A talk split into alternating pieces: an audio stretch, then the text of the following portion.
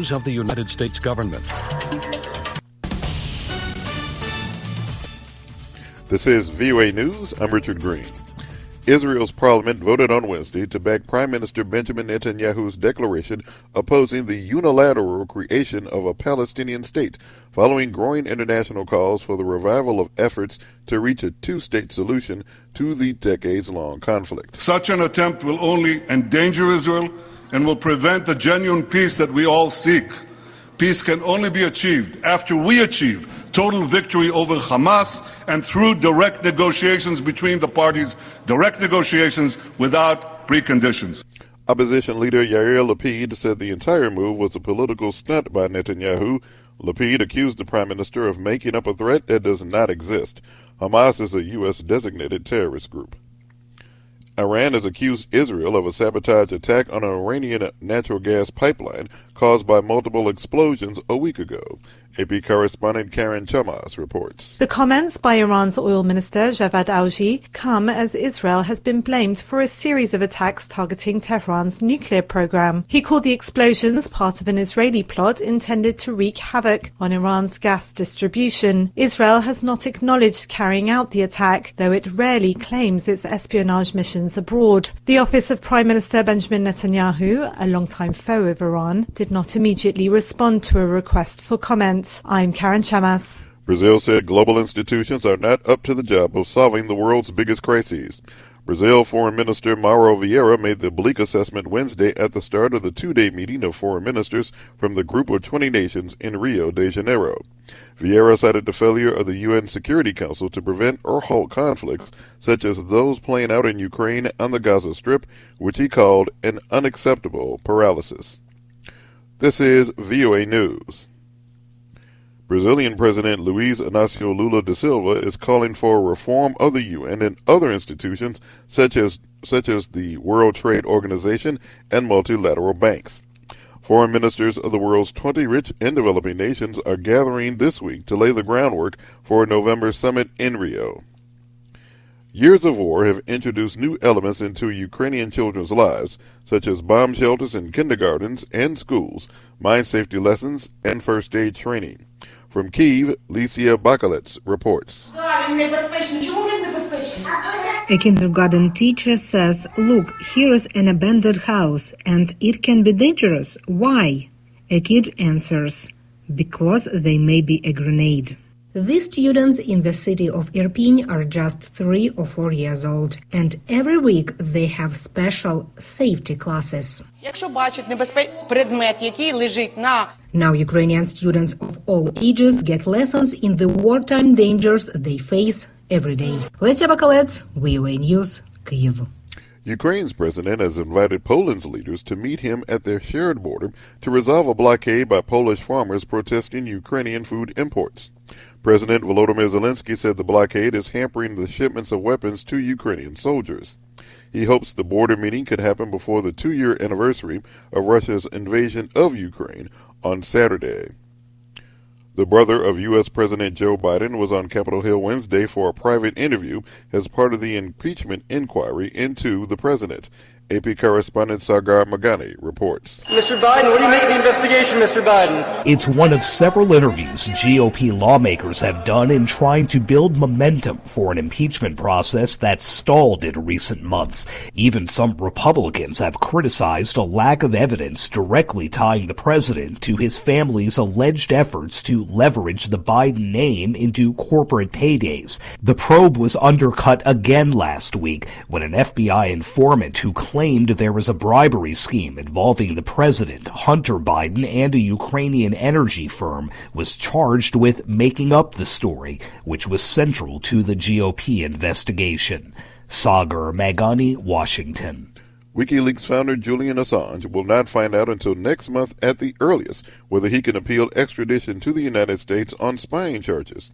Two British High Court judges said Wednesday they will take time to consider their verdict.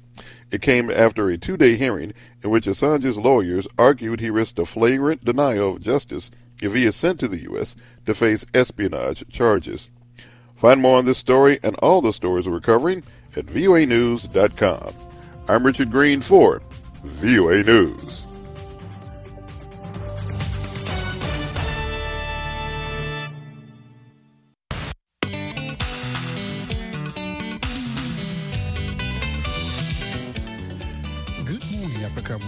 Daybreak Africa from the Voice of America. I'm James Butty in Washington. Today is Thursday, February 22nd, and here are some of the stories we are covering.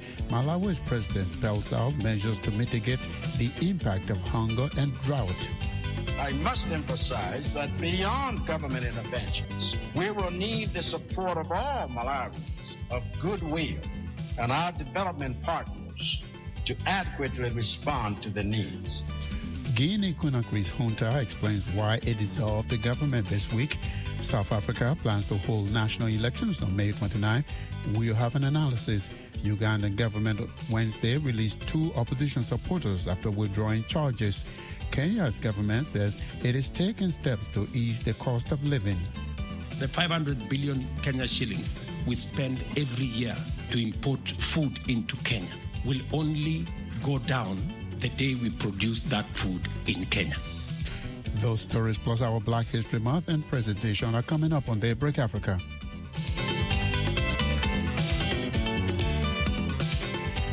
Malawi is facing a second wave of El Nino induced drought in three months, which has uh, withered thousands of hectares of crops and posing a severe threat to food security.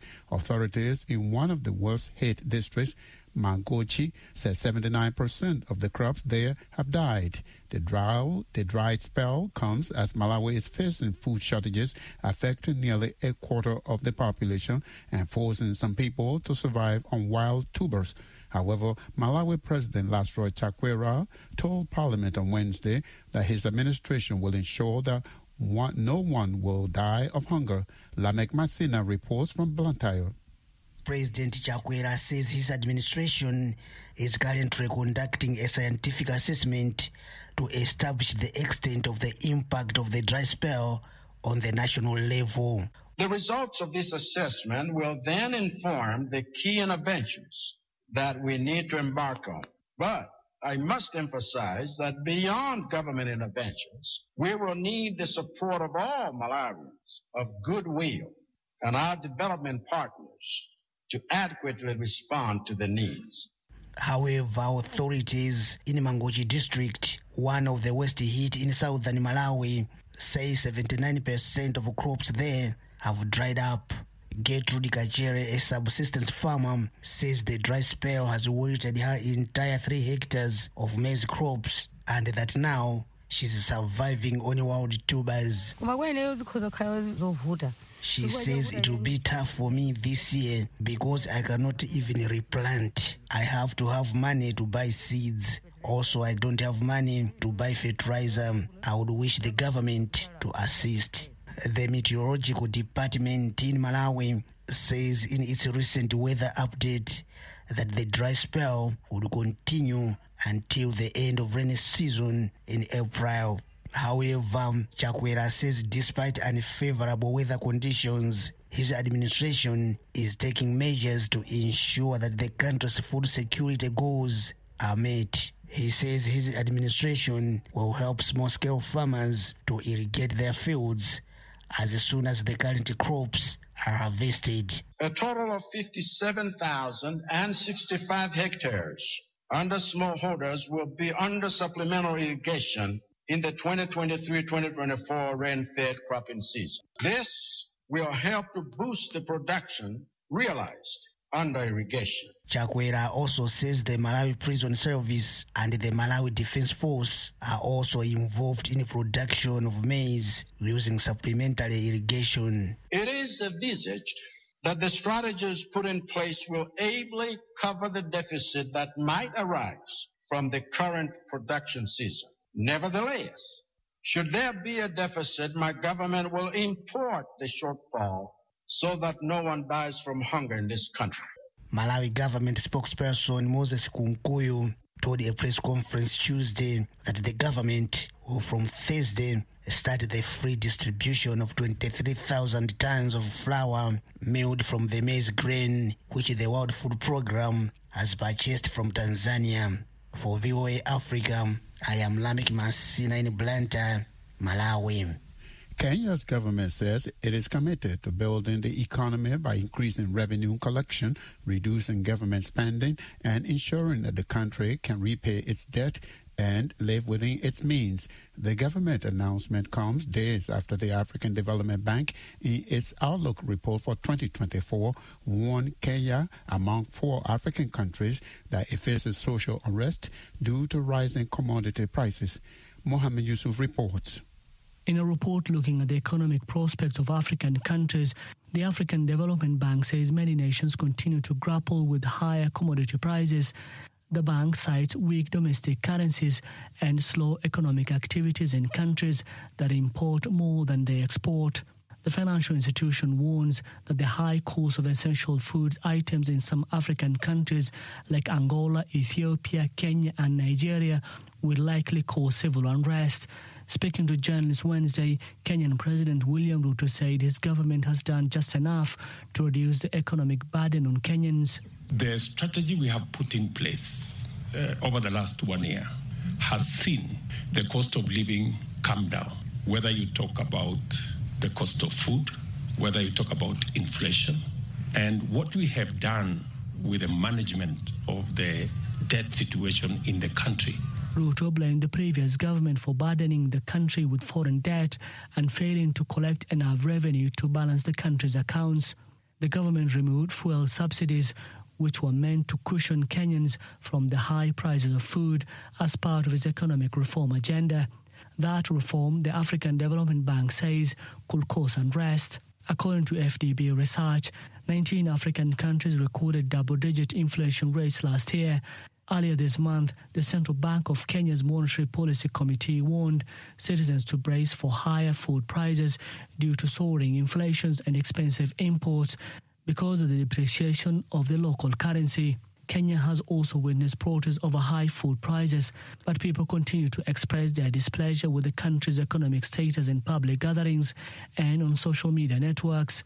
Samuel Nyandemo, economics lecturer at the University of Nairobi, says some Kenyans are losing patience with Ruto's 18-month-old government. Kenyans, uh, their patience is eroding. Unless some uh, some of these issues are uh, addressed with urgency, there will be some animosity, whether you like it or not. You can even see from political meetings, people are now so courageous, they are even shouting at the president. What does that show you? It shows you that people are getting disgusted we better start addressing key issues first. First things must be done first.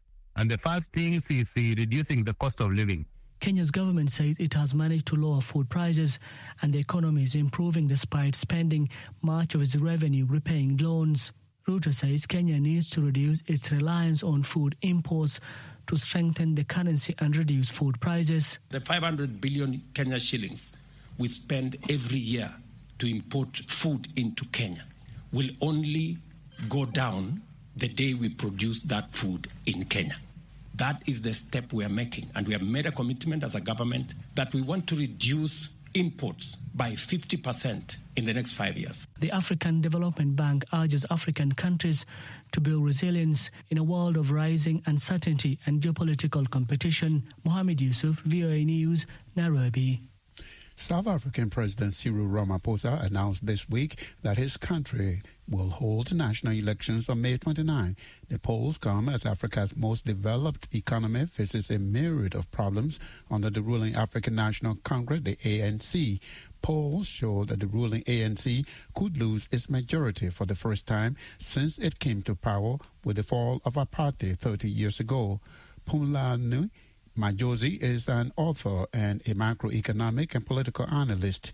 He tells viewers Douglas Mpuga that uh, this election is crucial given the dire state of the country now.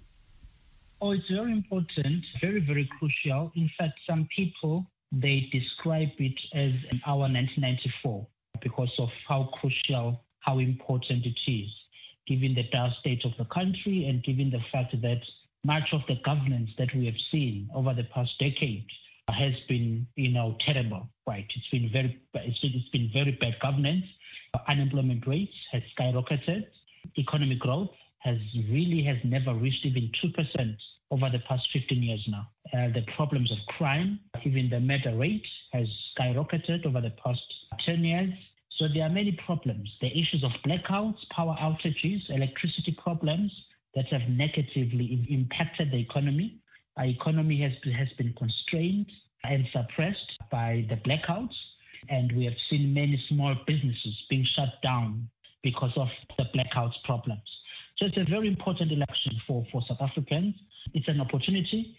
South Africans have a chance to reshape their country, and it looks like there is that appetite to reshape the country, given how the ruling party, the African National Congress, that has ruled since 1994, is polling at the moment. The polls, they are showing the ruling party doing very badly.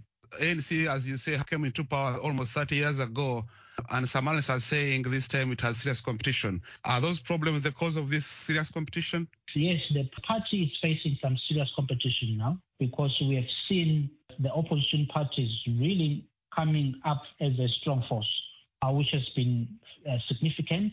And also, have seen is that because of the mismanagement of the country by the ruling party, that has really weakened it. The blackouts over the past year made things much, much worse for the ruling party, and people just lost the total faith. Uh, many people no longer believe the ANC that has ruled since 1994 is the party now to take the country forward. So uh, competition is real, and it does seem that the projections are showing that really the African National Congress will hit below uh, 50% uh, in terms of the vote, and then we are going to see a coalition government, which would be a significant change for South Africa post apartheid. Uh, so the, competition is real, and, that is what has put the ANC under pressure. And now there is breakaway within the ANC has, has it splits now, so that will negatively impact it at the polls this year. ANC, despite all that, remains popular across the continent and internationally. Will do you think if they lost power, would South Africa's foreign policy change? Oh, you see, my argument has been that if we want to see changes in policy, uh, whether it's foreign policy or domestic policy, if we want to see a new direction, the ANC will need to govern with in a coalition. And I think that's what should really bring that significant change would be a coalition between the African National Congress and the biggest opposition party, the Democratic Alliance. Because the Democratic Alliance is more of a right center party, the ANC is more left center. And for them to come together and hold one another to account, that would be positive for markets and for South Africa's reputation as well. And it would mean change because the DA of the, the biggest opposition party, the Democratic Alliance, it sees foreign policy different than the ANC. And it's come out as very much different from how it approaches international affairs and how it aims to also approach domestic affairs as well. Phumlani Majozi is an author and a macroeconomic and political analyst. He spoke from Johannesburg with my colleague Douglas Mpuga.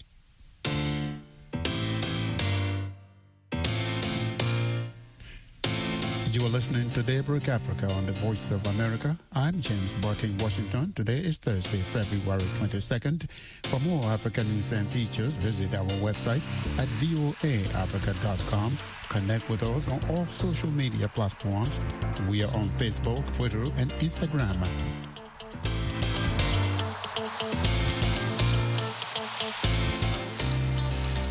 The opposition leader in Uganda's parliament says they will continue to agitate for the release of all alleged missing and detained supporters until they are all released. This after the government Wednesday released uh, two National Unity Platform NUP party supporters after the state withdrew charges against them they had been in jail for 10 months. The Uganda Monitor reports that the two were among 11 NUP supporters accused of engaging in terrorist activities and making improvised explosive devices. Opposition MPs have been boycotting parliamentary proceedings since last October to demand the release of their supporters who they allege are being held by security forces. Opposition leader in Parliament, Joel Ssenyonyi, tells me that uh, the lack of someone for two to lock up someone for two to three years without evidence is no longer prosecution but persecution. The release of those two ladies has been long overdue because these are people that were arrested and then they trumped up charges against them plus several others saying they manufacture bombs and so on. without any evidence. So it's a group of 11 that were arrested, and for about a year now, trial has not kicked off. The state says they are looking for evidence. So clearly, as we have been demanding and saying, look, if you don't have evidence, drop the charges or grant people bail. It's a good thing that for these two, the charges have been dropped because they were non-existent from the word go. And besides those, there are others who have spent in jail three to four years via the military courts. And each time, prosecution says they are looking for evidence, they're gathering the evidence. After three to four years, surely, if you don't have the evidence, it does not exist. You're simply trying to fabricate it. So that's the clarion call we have been making. Drop these trumped up charges. But if you insist you're still looking for evidence, grant these people bail for heaven's sake. How do you lock up somebody for three to four years and you're still looking for evidence? That, that ceases to be prosecution. It is persecution. And mind you, all of these people are known supporters of NUP. That's why they are arrested for political reasons, simply because they don't support the regime in Uganda, not because they've committed any offense. I know that the government has said that it doesn't arrest people because of their political affiliation. But let me ask uh, a judge had given the government lawyers time to present evidence in court or the case would be terminated. Do you think uh, the release of these two NUP members could be related to the, the judge's order?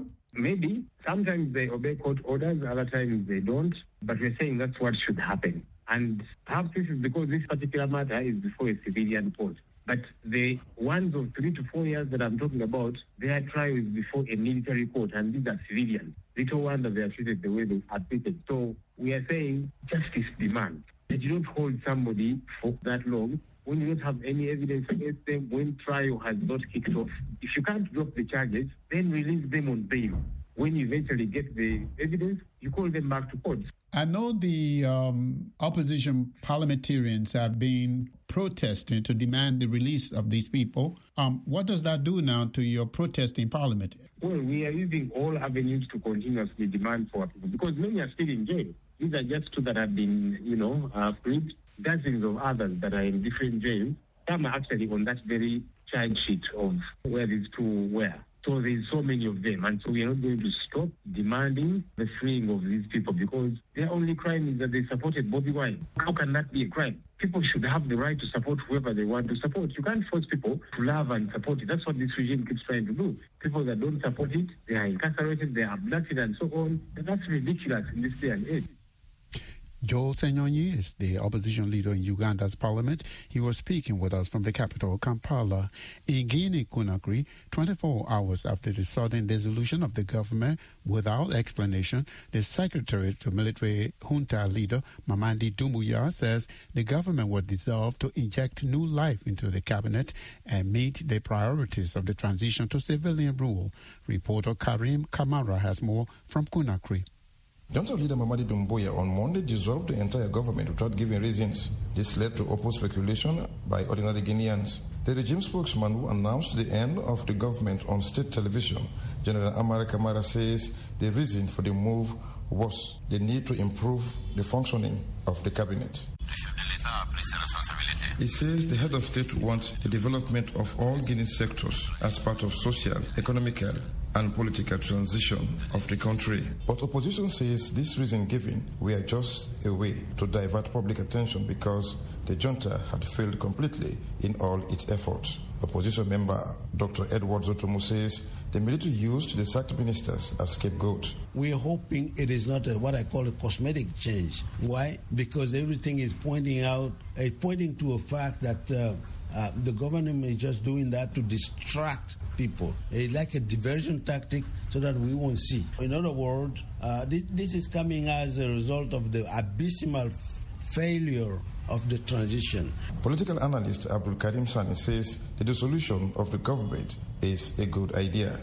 Well, the dissolution is like a change for the better, rather, if I am to be specific. Judging the fact that um, quite of late we've seen the economic, political, and the social conditions in this country being upside down. And I think with this dissolution, the government will be forced to choose um, people who are ready to work, people who are committed, people who are dedicated to give uh, the people at large what they deserve. On the street of Conakry, this is how people reacted to the news. Amadou Jallo. This man who is engaged in private security says dissolving the cabinet is not the answer. In his view, all politicians should form a government of national unity. That's the solution. Student Lai Jane he says the move is not good for the country and will push it backwards. Another student, Fode Bangoda, says the same thing. He says it is up to the new government to meet the needs of Guineans by helping to end the suffering of the people. The permanent secretaries will today fully assume their post as interim ministers. Guineans are impatiently waiting to see who will be their prime minister in the days to come, while many are calling for a technocrat with good leadership skills. For VOA Africa, I am Karim Kamara in Conakry. Ghana's parliament on Wednesday moved a step closer to holding a vote on a bill that seeks to further clamp down on the rights of LGBT people, rejecting a proposal that would have seen jail terms for gay sex replaced with non custodial sentences such as counseling.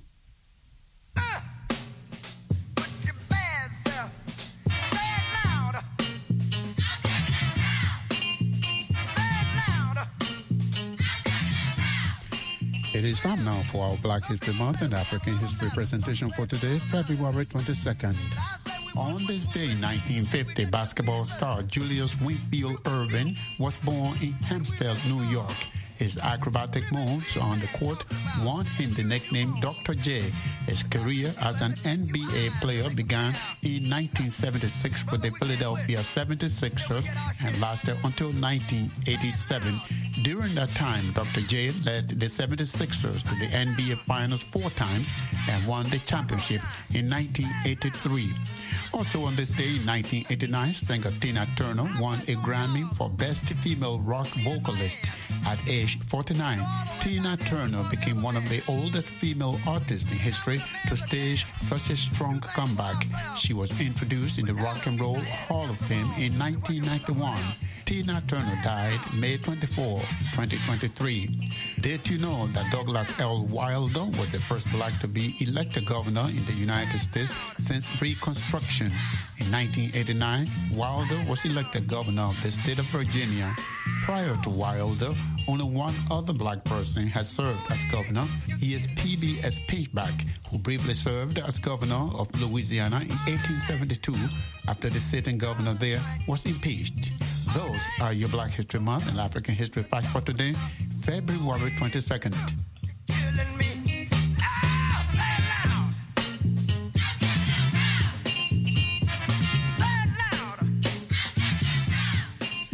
And that's it for this Thursday, February 22nd edition of Daybreak Africa. We thank you for being our guest this morning.